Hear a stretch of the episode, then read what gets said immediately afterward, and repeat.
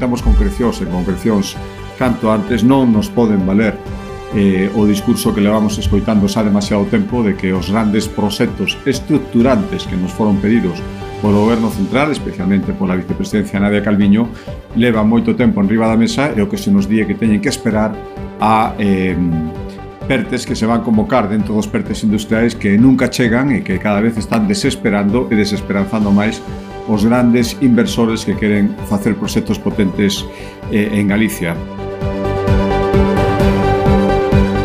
Ola, benvidas e benvidos a este novo episodio deste podcast que mete medo que se chama Actualidade está sobrevalorada. E mete medo porque eh, con nos está Ana Luisa Bouza. Ola, Ana. Ola, que tal? Antolosada. Boas. E Marta Otero Mayán. Que tal? E hoxe vamos falar, bueno, son Xosé Manuel Pereiro, que nunca me presento. Eh, eu, eh, te, eu teño unha cuestión de orde antes de empezar. Eh, sí. Por que Marta, por que no caso de Marta disos dos dous apelidos e no resto non? Contesto cheo, Antón. A ver, por favor. Que hai, hai unha Marta Otero na voz de Galicia. Claro. Me sinto, E, e, hai un talento los Diegues, non?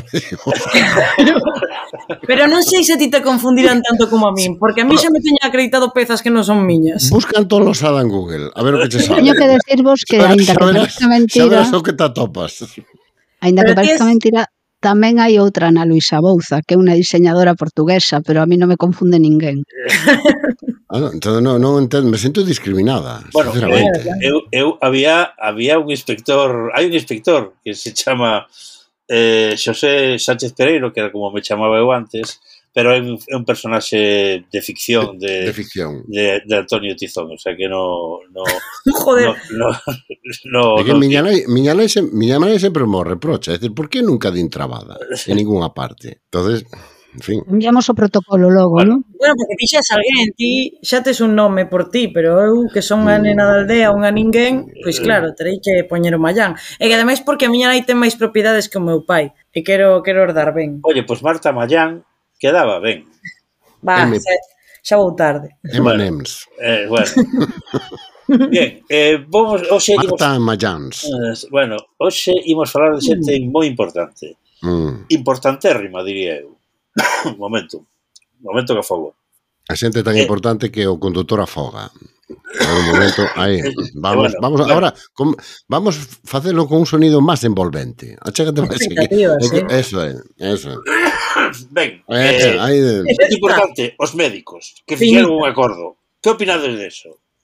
Bueno, eu opino que o acordo é beneficioso para os médicos ou eso polo menos, ou polo menos para unha parte dos médicos, porque parece que ten xerado certa división entre o propio colectivo eh, médico. Entón a cosa porque tendemos a ver aos médicos como se si foran un bloque homoxéneo e efectivamente en boa medida son porque son un bloque que comparte unha serie de intereses profesionais e, e económicos, pero dentro dos médicos hai visións moi diversas de como debe funcionar a, funcionar a sanidade, de cal debe ser o papel da sanidade privada e cal debe ser o papel da sanidade pública e como deben de relacionarse, non? Entón, me parece que o acordo ten xerado bastante división entre os médicos, igual que ten xerado certa división e perplexidade entre boa parte da opinión pública, non? Porque levábamos meses falando dos problemas que está padecendo a sanidade pública en Galicia, eh, moi semellantes aos que está padecendo outras sanidades públicas, non só en España, sino no resto de Europa, porque se multiplican varios factores, non? Primeiro, un, un sistema moi estresado despois da pandemia, un conxunto de gobernos que viron que non facía falta gastar máis ou pensaron ou chegaron ao convencimento de que, bueno, con menos se podía facer moito máis, que se si o sistema sanitario podía aguantar ou aguantou a pandemia nesas condicións non era necesario recuperar ou manter o investimento o que se chegou co asunto da pandemia, de feito estamos retrocedendo a cifras prepandemia, non? En gasto de investimento sanitario, despois que moitos tratamentos que quedaron fora de circuito e foron pospostos durante a pandemia ahora están volvendo de golpe, non? Entonces, bueno, pues levábamos meses, houve aquela gran manifestación en Santiago con máis de 20.000 persoas, e ao final nos atopamos cun acordo onde basicamente o que se sustancia son cuestións de salario e non parece que e no acordo se inclúan pois, os elementos que eu creo que realmente gañaron a favor da opinión pública e mobilizaron a opinión pública a favor dos médicos que Entendemos que queran gañar máis, entendemos que lute, loiten polas súas condicións laborais non? e profesionais, pero as reivindicacións eran moito máis, era mellorar o sistema de atención primaria, era mellorar as listas de espera, era dotar de máis recursos de máis capacidade ao sistema para atender con moita máis flexibilidade, con moita máis rapidez a xente e que se pararan, bueno, pois iniciativas como a este sistema de cribado encoberto que está, o de triaxe encoberto que está poñendo a xunta na atención primaria. Non? Pero a min é o que realmente me, me resulta sorprendente, non? Que ao final había, eu creo que unha lista de demandas moi completa e moi coherente, e ao final o acordo parece que se sustancia exclusivamente en términos de subidas e baixadas de salarios. Non? Subidas, en principio, eh, sobre todo para os que eh, combinan a, sanidade pública coa privada. É dicir, eh... é que, un, un, efectivo, un dos resultados máis máis chamativos do que pasou estes meses é que o sistema de incompatibilidade que había entre a medicina entre a práctica privada e a práctica pública, que era discutible, pero que por lo menos era bastante coherente e bastante exixente, acaba de ser abolido. Mm. E eu creo que estamos volvendo ao sistema no que algúns dos que estamos aquí non non Marta Otero Mayán, pero os, os outros tres que estamos aquí recordamos da nosa xuventude, ¿no? E como funcionaba a sanidade na nosa xuventude, ¿no? E esa ese maridaxe un pouco extraño entre práctica pública e práctica privada na que estaban metidos moitos médicos. Mm. A min a, a, o que máis eh, quizáis pena me dá de todo este asunto é eh, un pouco a crise ou a o dano reputacional que lle fai este acordo ás, ás protestas dos, mm. dos médicos, porque, bueno, se, se ao final levamos meses falando, e con toda a razón do mundo, de ratios inasumibles, de mm, desmantelamento e colapso da sanidade pública e da atención primaria, mm e de cousas que teñen que ver máis co aspecto asistencial que coa remuneración que perciben, que xa é alta, eu penso que debe ser alta tamén, eh, se ao final estás eh, cedendo todas estas cousas fundamentais que teñen que ver co funcionamento do sistema sanitario público eh, por unha cuestión salarial, queda deslegitimada perdón, eh, toda esta protesta.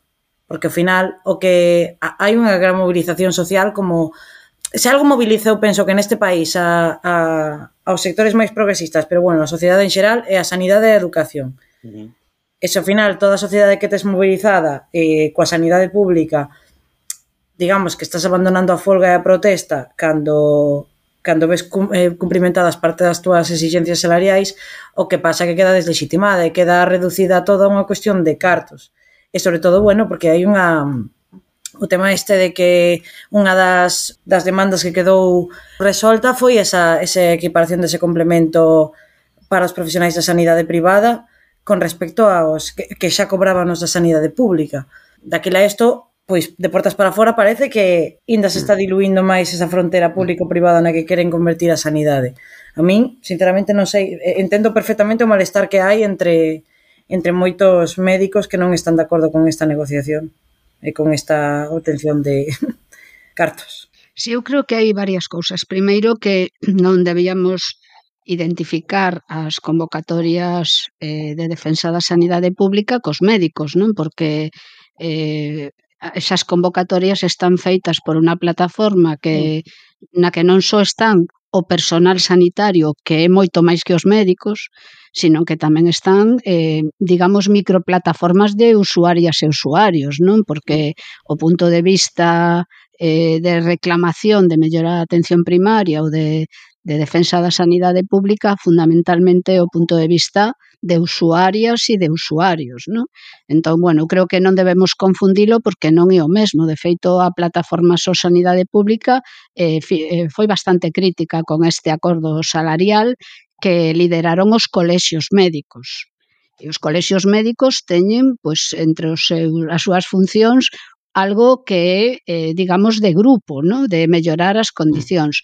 Entón, hai unha parte do acordo que é de mellora de condicións salariais e, ademais, é positivo porque afecta non só aos médicos, sino que se transmite ao resto do personal sanitario e eso, pois, está ben pero hai aí varias contradicións. A primeira, se non había cartos para poñer en marcha as medidas que pedía a plataforma de mellora da sanidade, como hai cartos para este acordo? que é un acordo importante a nivel económico, ¿no?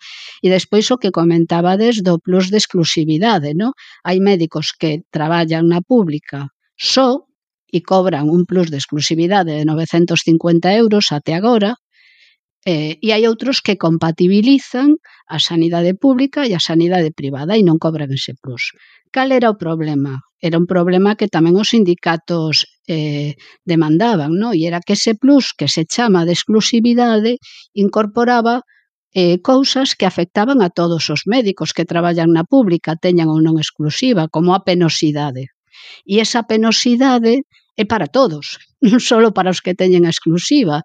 Entón, o lóxico era que ese plus, digamos, se dividira en, en cousas que son diferentes e que non deben estar incluídas en un solo concepto, non? Cal é o problema? O problema é que o plus de exclusividade agora queda como moito en 180 euros. É decir, que a xunta lle paga 180 euros o mes e non 950 como era antes aqueles profesionais que solo traballan na pública, que teñen a exclusiva. E iso que está promovendo e o que denuncian en parte o sector e en parte tamén a propia plataforma So Sanidade Pública, o que está promovendo é, digamos que, esa reclamación de mellor salario que quizás os colexios deberían tamén eh, orientar cara aos seguros, que son os que pagan en precario aos seus médicos, en lugar de que os seguros lles melloren as condicións aos médicos, lles estamos mellorando co diñeiro de todos. Entón, bueno, poden traballar o sistema que, que queda é un sistema que incentiva claramente a non exclusividade. Sí, a non exclusividade. Eh, sí, e que sí, ten sí. eh, creo que ten esa doble función, por un lado, complementar o salario con cartos públicos mm. Sí. e por outro lado tamén aforrar unha parte desas subidas, non? Estamos rescatando. Iso é, din iso é dinamitar unha das esencias do sistema no que estábamos eh, nos últimos anos, que era, oiga, usted ten que optar. Pero non aforran nada, Antón, porque van a estender os 950 mm. euros a todo o personal, teña ou non teña exclusiva. O sea, que aforrar é un, é un gasto importante. Bueno, eh? sí, eh, no. Ese gasto que debían... que debía, é un, o sea, que o millor, no, unha parte do gasto é lógico. Si permites a, si permites a compatibilidade, unha parte do aumento de ingresos que os médicos están estaban reclamando ven a conta desa compatibilidade, non porque lle subas tú o sueldo. Non sei se me estou explicando. Claro, Entonces, claro, a claro, a compatibilidade pero que aínda tiña, eh, aínda tería sido máis importante se se tivera mantido o sistema de exclusividade, porque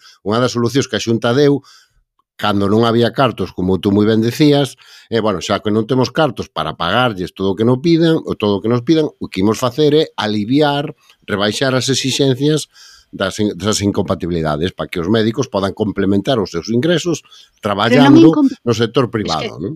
Es que non son incompatibles, simplemente O sea, estos médicos xa estaban compatibilizando a pública e a privada. Simplemente que por facelo compatible Non cobraban o plus, pero podían compatibilizar igualmente, non era incompatible realmente, ¿no?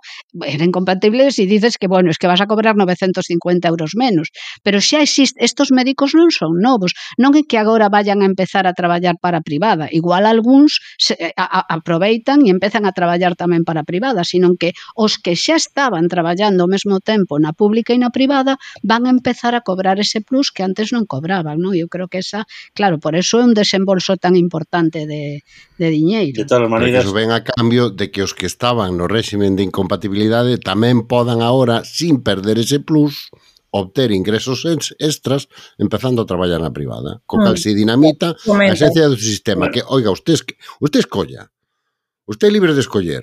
Estar na pública ou estar na privada. Ahora vamos a, a este a ese sistema no que nos criamos o, os que xa temos unha edad neste podcast e a nosa audiencia que xa ten unha edad recorda, de pola mañá te atendía un médico na pública e pola tarde te atendía na privada. E o problema sí, de nós é que o sistema... Sí, sí, eso, eso sí, tamén pasa agora, eh? O pediatra da miña filla o pediatra da miña filla traballaba e traballa na pública e na privada ao mesmo tempo. Mm. Que pasa? Que se si ti promoves ese sistema, o que estás non é solo derivando de alguna maneira recursos, sino que estás abrindo a porta a prácticas que todos coñecemos e que sí que recordamos que era que hubo a privada e os as probas mas pide o mesmo médico pola pública claro, todo, e non me costan claro, cartos. Claro, claro. Ese é o, o, o problema de abrir a porta a, este de, de promover este sistema, no? E é moi difícil de controlar. Aparte de que aumenta, eh, digamos, un xeito de derivar da pública á privada de facto, sin decilo. É unha, deriva, é unha derivación, digámoslo así, clandestina. Eh, pero no que, de tempo, Antón, que de feito se produce e se canaliza a través dos propios médicos. No noso tempo, entón, o fundamental, o sea, os que compatibilizaban tiñan unha consulta privada e logo tiñan un horario de atención na pública. Mm. Agora, mm. esa consulta privada, fundamentalmente, quen a paga son os seguros privados, que eso é unha novidade, a, a importancia, o peso que teñen os seguros privados, que pagan moi precariamente aos seus médicos. Eu creo que cobran 5 euros ou unha cousa así seis, por consulta. Seis, o sea, cobran, bueno, o sea que, seis, por lo menos. que realmente, bueno, e aí incluímos Muface, eh? Sí, no, e, aí incluímos y, Muface. E así, te atende. Que, que afecta atende. a todos os funcionarios, claro. E así, claro. te atende. Ben, o sea, que eh, sí que como, como non hai ningún médico a bordo que eu sepa, vamos a cambiar de, de xente que tampouco pudo estar a bordo vamos a falar de xente que non puido estar a bordo como o ministro Bolaños. Ah, eh, non podo estar a bordo de que? Non pudo estar a bordo do palco presidencial. sí que parecía. A mí, eu sei que, eu sei que Marta eh, vai aproveitar para darnos leña a Ana Luisa e a min polo tema de que vivimos eh, encallados no tempo do bipartito. Eh, no, Pero a mí me, a mí me Ana Luisa sabe de que estou falando. A mí me recordou tanto, a que si, sí, Ana Luisa? Os conflitos protocolarios que ti e eu vivimos. Uf naqueles, eh, que naqueles anos, me teño collido, naqueles anos, mía, é eh, que me recordou tanto aquela escena e solo que eh, no caso do bipartito o papel de Díaz Ayuso a xefa do protocolo o, pase, o facía Emilio Pérez Touriño e a súa xefa de protocolo e o secretario xeral da presidencia. Ricardo Varela. E, e Ricardo, bueno, en xeral, o, PS, o PSDG. O PSDG. E o papel de Bolaños o facíamos nós. Colléramos na cintura tamén. Sí, sí. Liter, esta escena vivina eu literalmente E isto vou non contar porque alguén o tía que contar. Pero que non lle deixaron subir a quinta? Ahora, claro. ahora che conto. Claro, deixa, cando, deixa, deixa falar, mujer, claro, deixa falar. Cando, claro, te pode la impaciencia Cando sí, sí. eh, veu eh, Rodríguez Zapatero a, mm, non sei se a votar ou a visitar ou inaugurar, non, xa non recordo se fora en Vigo ou fora en Ferrol exactamente, eh, pero había algo relacionado con, con unha fragata militar ou algo así que se entregaba a Armada e entón eh, viña Zapatero e eh, digamos no acto estaba presente o presidente da Xunta Emilio Pérez Toriño e o vicepresidente da Xunta Enxo Quintana ¿no? ten lugar o acto e tal e se vai a proceder a subir a inspeccionar a fragata que, insisto, non recordo exactamente de, se si era se entregaba ou algo parecido ¿no?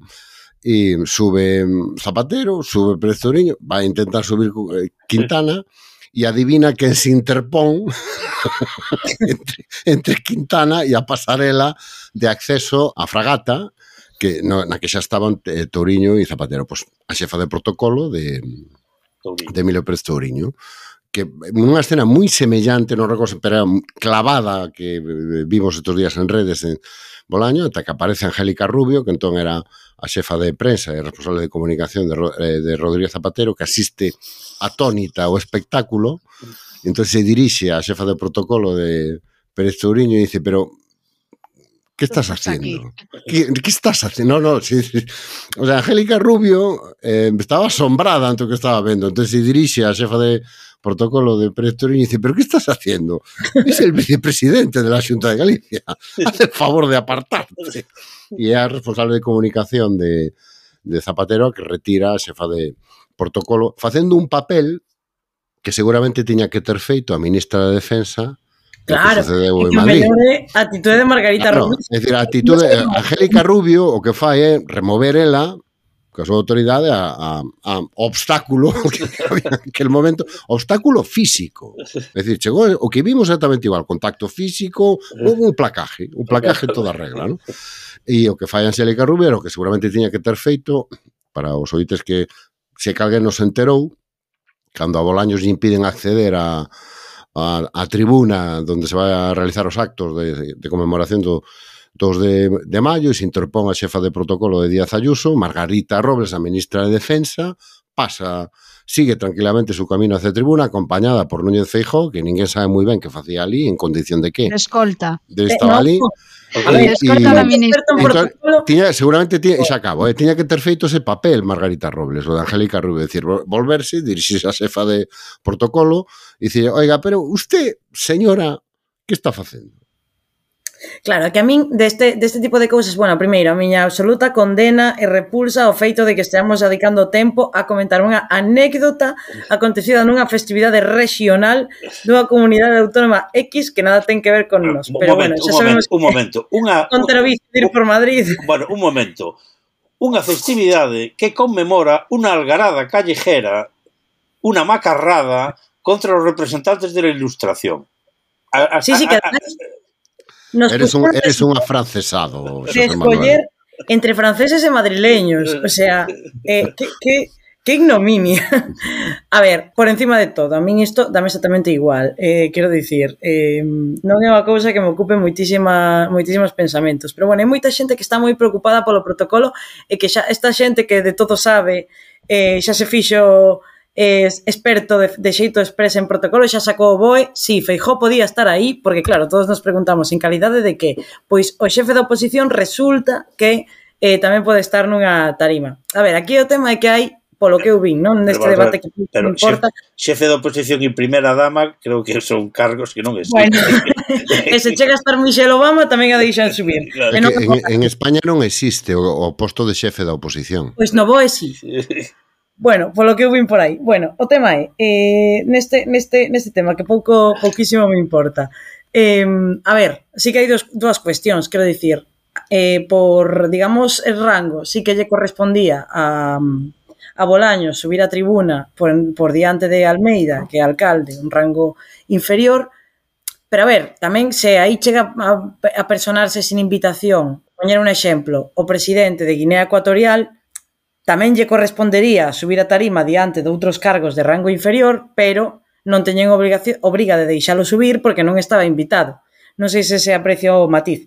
Tamén te digo, eu penso que se un ministro do goberno, e sobre todo se o ministro da presidencia, acudindo en nome do presidente do goberno, chega sen a invitación, hai que deixalo subir e non dar esa imaxe de República Bananera que se deu o outro día nesa, tarima de unha xefa de protocolo collendo ao ministro da presidencia pola cintura. É que esa imaxe non a podes dar. A ver, que unha imaxe absolutamente é un acto absolutamente político, pois absolutamente, pero bueno, que como Enaman tiñan razóns para non deixalo subir, pois tamén hai esa hipótese.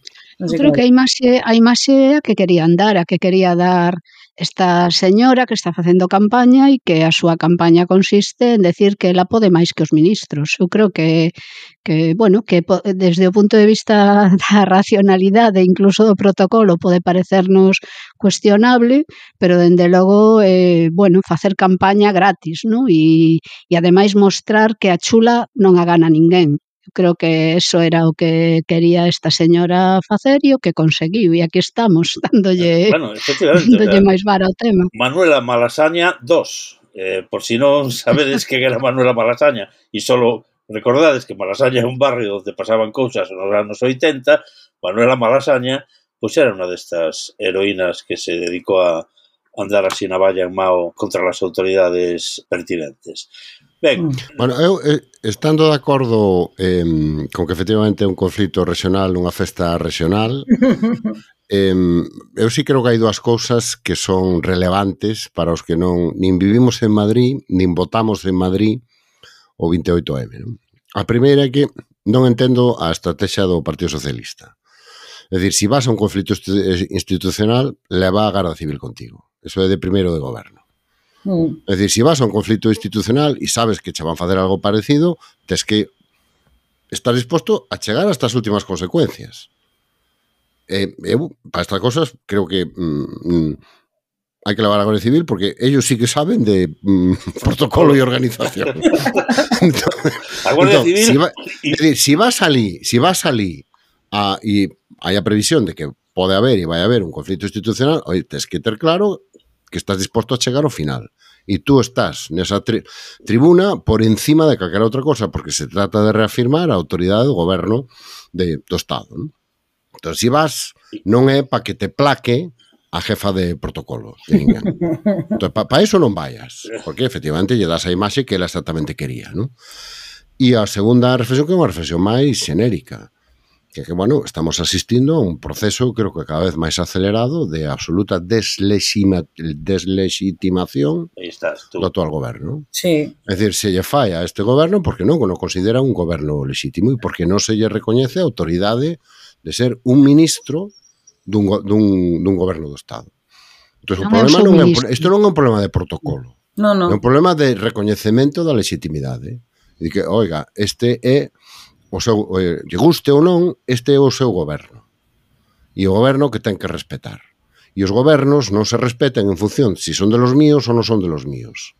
Pero bueno, isto forma parte da estrategia sistemática de discurso do... do, do Dende o inicio da legislatura. No, sí, sobre todo do, do, neo, do neopopulismo de dereita. ¿no? O, o neopopulismo da dereita sempre utiliza, eh, hai moita literatura ao respecto, pero basicamente Esta é unha das pezas fundamentales, non? a deslexitimación sistemática dos resultados, da legitimidade coa que goberna o outro, de un cuestionamento sistemático de que ese que está aí non debería estar, eh, as súas decisións non teñen legitimidade, polo tanto poden ser contestadas en nome da libertad, porque son eu o que representa realmente o sentir lexítimo da gran maioría, etc. etc. Entón, eu creo que eso trascende claramente eh, a dimensión local, non? Mm. E nos coloca nunha situación na que, bueno, o seguinte paso xa temos visto. O seguinte paso é cuestionar os resultados electorales. Mm. Se non sí, son bueno, favorables. E, e, o siguiente, o siguiente paso, despois de cuestionar os resultados e tal,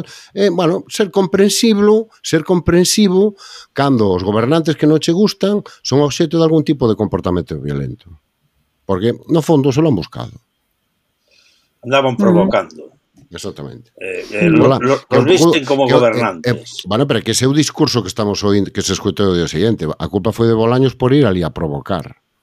Eh, e outra cousa que, que tamén é unha, unha tendencia dende hai un tempo, antes, digamos, de xeito un pouco máis sutil, e agora eu penso que xa con todas as letras, de proxectar a figura de Díaz Ayuso, o liderazgo de Díaz Ayuso, fora de Madrid. Home, eu non, eu non sei se, se a figura de Díaz Ayuso ia ter o mesmo seguimento a nivel nacional que, porque, bueno, igual se confunde un pouco eh, que Díaz Ayuso en determinado momento, sobre todo despois da primeira ola do coronavirus, soubera ler moi ben um, o momento político en Madrid con todo este tema da liberdade, con todo este tema da, do despiporre despois do mal que o pasou a comunidade na prime, nesa primeira vaga, con, quizáis a imaxe que se ten dela mesmo dende a dereita fora de Madrid, aínda que ela eu xa empezo a ver a moita xente que eh, digamos eh, identifica máis a Feijó con esa falta de valentía política, mm. eh, con esa, bueno, esa, digamos, máscara de xestor que tanto lle valía a, en Galicia, pero que quizáis agora se está interpretando como unha falta de defensa dos valores da dereita eh, que, sí que, que sí que está enarbolando Ayuso, porque de feito neste mesmo acto regional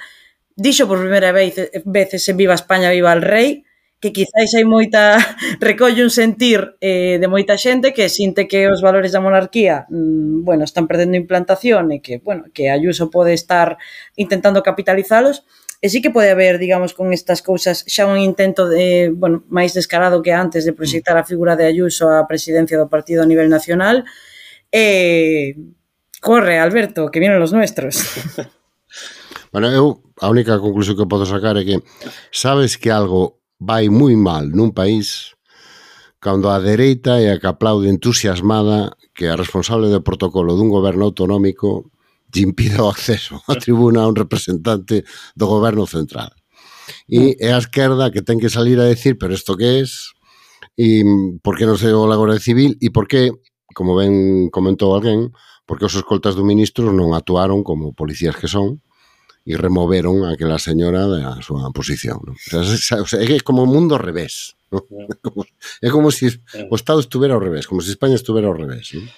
Ben, eh, habrá que cambiar de tema, eh, pero estou tan impresionado pola falta de, de actitude dos escoltas, porque seguro que se lle vas a berrar cualquier cosa con un pañuelo palestino, pues eh, te ponen del revés. ¿no? falando do, do tema do revés, parece ser que o Consello de Contas de Galicia, Consello de Contas, non Tribunal de Contas, que non é un organismo precisamente bolchevique, eh, acaba de emitir un informe dicindo que, eh, digamos, a concesión ou o reparto, ou como se chame, dos fondos europeos que está facendo a Xunta faino como que en, en fin, que non se sabe nin como, nin a quen, nin en, en base a que parece ser. Bueno, un informe demoledor para a Xunta de Galicia, non? Porque eh, re, lle reprocha a Xunta de Galicia presidida por Alfonso Rueda facer exactamente o que Alfonso Rueda lle reprocha ao goberno central que está facendo co reparto dos fondos Next Generation. Exactamente igual, que non hai unha normativa xeral, que non se sabe moi ben cales son os criterios que se aplican para escoller uns proxectos e para rexeitar outros, que a opacidade en cantos que se rexeitaron é extrema, é dicir, se, e tamén en cantos que se aceitaron, que non hai o control suficiente que debería haber sobre como se están executando e repartindo esos proxectos, e en xeral que todo o proceso está marcado por eso que se conoce en técnica xurídica como a discrecionalidade de quen reparte. É dicir, que temos un sistema que ten toda a apariencia de ser un sistema, digamos, donde hai eh, un procedimento e onde hai unhas reglas e onde, hai uns mecanismos de control, pero o Consello de Contas chega a conclusión de que nin as normas están desenvolvidas nin os procedementos existen como tal, nin os supostos organismos de control que teñen que estar executando ese control o están facendo. Entón, máis que un reparto de fondos, parece que estamos asistindo a unha especie de trapicheo de fondos europeos. Reparto, ¿no? reparto, bueno, os repartos do, do botín estaban moito máis mm. parametrizados e moito máis claros como era a cousa. A mitad po capitán e o resto a pachas. Pero o que é, digamos, en todo caso, sintomático eh, deste, deste asunto é eh, que o Tribunal de Contas, eh, digamos, actúe tan rápido. Vamos, eh, o, Consello, de, Consello, o Consello de Contas actúe tan rápido, porque o normal é que o diga a cinco anos vista, e entonces, bueno, sí, isto ya, pero pasou antes. Isto foi porque pediu alguén un informe, están de pronto eh, especialmente... Mm, bueno, que ese é o traballo do Consello, é que aquí hai dos órganos, o Tribunal de Contas que o que fai é fiscalizar contas que xa están consolidadas. Mm. É dicir, eso pasa, por exemplo, cos... Por que chegan tantas veces tarde os, os, os, os diagnósticos non do Tribunal de Contas? Bueno, porque traballan sobre contas que están xa executadas, non? O caso do Consello de Contas, precisamente, o seu traballo é ese, é revisar e analizar os orzamentos. Básicamente, se centra en analizar cada ano e revisar cada ano eh, tanto os graus de execución de orzamentos pasados, sobre todo o dos anos inmediatamente anteriores, como analizar os proxectos orzamentarios que se poden estar presentando. Non? Entón, eu entendo que este informe forma parte desa labor de control de eh, as contas públicas eh, de, eh, de cada exercicio no caso do goberno da Xunta. E hai un, un, un apartado específico dedicado a unha das que vai ser unha das principais fontes de ingresos da Xunta no, nos próximos exercicios, que son efectivamente eses fondos. No? E o que fai a analizar, eu creo que dunha maneira, primeiro, bastante ecuánime e bastante ponderada, o que é a realidade. Pero é unha realidade que, agora o digo Consello de Contas, pero falas cas empresas e é o que che, é o que che din, falas ca posición política e é o que che din que o goberno da Xunta reprocha ao goberno central exactamente o mismo que está facendo aquí. No, que, eh, oh, perdón, si, sí, ademais outra cousa que a resposta de Rueda cando se lle preguntou por este informe foi que, bueno, que que o que, o que é importante que o informe fala de que hai unha boa execución deses fondos. Quero dicir, vale, estánse gastando cartos, pero non sabemos en que. Peor me lo pones. Din en base a que. É mellor que non se gaste. Eh, claro, non, aquí estamos no, pegando y... a todo a todo que pide cartos europeos, pero non non non sabemos informar onde están indo estes fondos. E se fora, e se fora Marta, a todo que pide aínda bueno, pero unha das dos criterios de discrecionalidade é a hora de selección, claro. é decir, que non se teñen en conta todos os proxectos que aspiran a fondos europeos. Despois está o tema do seguimento, que xa virán as multas e xa virá o que teña que vir. Mm. Pero o fundamental é a transparencia e a equidade a hora de seleccionar os proxectos. Non cando se falaba de que os fondos europeos iban ir eh, directamente aos amigos do PP, falábase diso, non? Cando se falaba de que iban ir a grandes empresas, decía o PP e decía a Xunta, non, non, non, non, que se xunten as pequenas e presenten proxectos conxuntos de moita pasta que van ter as mesmas oportunidades. E isto demostra que eso era mentira, que quen designa os proxectos que se financian non é un criterio obxectivo, non é unha igualdade, é a discrecionalidade da Xunta do PP, non? Eu creo que eso é para min políticamente o máis grave. O outro pode achacarse a falta de recursos ou a o que sexa, non? Mm. Xa virán, xa digo, as multas que teñan que vir, pero a primeira parte, a discrecionalidade nas eleccións e caciquismo puro e duro. Bueno, sobre todo a incoherencia política que supón reprocharlle ao goberno central eh, determinadas cousas que tú faz É dicir, reclamarlle transparencia, unha transparencia que tú non practicas ao goberno central, re, re, reclamarlle que exista unha normativa xeral de reparto que tú non creache, que tú non tes o goberno central. Decir que o goberno está repartindo, o goberno central está repartindo os cartos como lle peta, cando eso é exactamente o que estás facendo ti. Estás facendo ti. Claro, me, Incumplindo me parece... a propia normativa que elaboraches, porque o sea, a, a normativa non é non abonda, non a que hai non abonda, pero hai algo de normativa, pero que non se cumple esa mínima normativa que hai agora. E que unha das cousas que reprocha o Consello de Contas é que os os órganos que supostamente se crean esa normativa para evaluar os proxectos e para facer un seguimento desos proxectos non nos están facendo. E o que, o que registra o Consello de Contas é que esos órganos non están facendo o traballo ou polo menos se o están facendo non queda registro. Dese, ao mellor están facendo e dice como, como as cousas van tan ben non fai falta que poñamos nada todo, todo por escrito porque to, claro, todo ok. ¿no? e ao final apretón de, manos. de caballeros. Claro. antes non se facía así con apretón de manos. No, no, o levantándose, levantándose o pulgar e dicindo ok ao mellor é unha nova forma de eh, xestionar non sei, este, non parece que este, este, a máis, este, a máis recomendable ¿no? Eh, no, esto, no, quero dicir que sinceramente mm, Eh, esta un fin de unha mensaxe final de profundo eh, optimismo para eh, ver en que país estamos, eh, como estamos gobernados, en que maos caemos, eh, etcétera, etcétera. Eu penso que despois disto non remontamos eh, inda que cantemos algo a, a coro, que é unha proposta que non vos vou facer porque sodes capaces de, de, de decir que sí. No, Ana di que non. Casi, Pero sabemos que, eh, hombre, gobernados A sesión que levamos hoxe creo que podemos facer era toser a coro. Eso sí, poñernos a cor dos catro e a coro. Como ya non sale hasta afinado. Bueno. Imos a dar gor de, dor de gorxa aos ouvintes, sei que todavía hai algún aquí. Bueno, bueno como diría como diría mm, Isabel Díaz Ayuso, viva España, viva el rei. Viva el orden e la lei. Telemérito, telemérito. Viva el orden e la lei. A Ana Luisa Bouza, moitas gracias. Eh, terás algo que facer por aí, imagino. Eh, nunca me despedín así. Que bonito. Eh. non entendín o que me Tiña que contestar eu algo. Pues, no sí, tiñes que terlle dito, eu traballo, non comato. Eh, claro. Tose, tose, Ana Luisa, tose. Claro. Eh, bueno, Ana Luisa, ata, que, ata a semana que ven. Eh, ata a semana, chao. Cruzada, ata a semana que ven. eh, eh, Marta Otero Mayán, eh, ata sí. a semana que ven. chao, chao. Hasta logo a todos.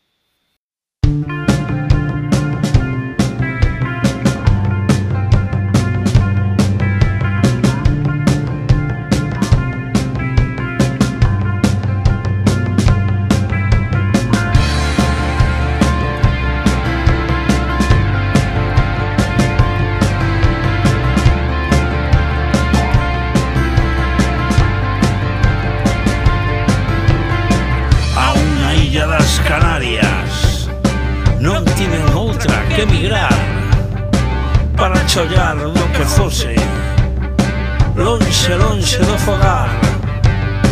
É que me invade a morriña Da patria de Breogán. Cando os coitos resentidos É que me boto a chorar. A chorar.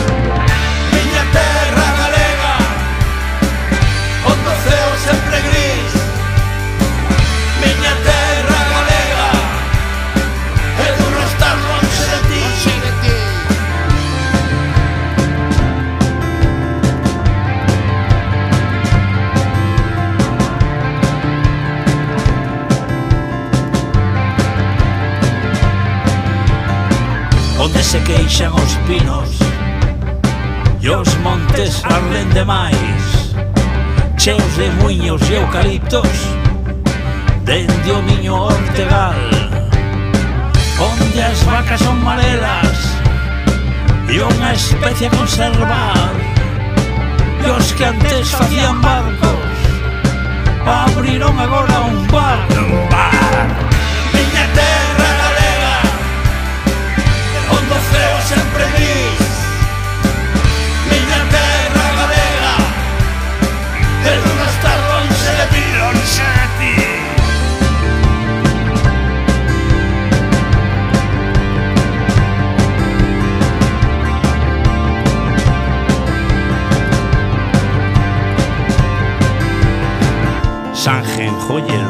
veo. Empanada e pulpo a feira. Queima dalle el vino turbio. Lo bien que se come aquí.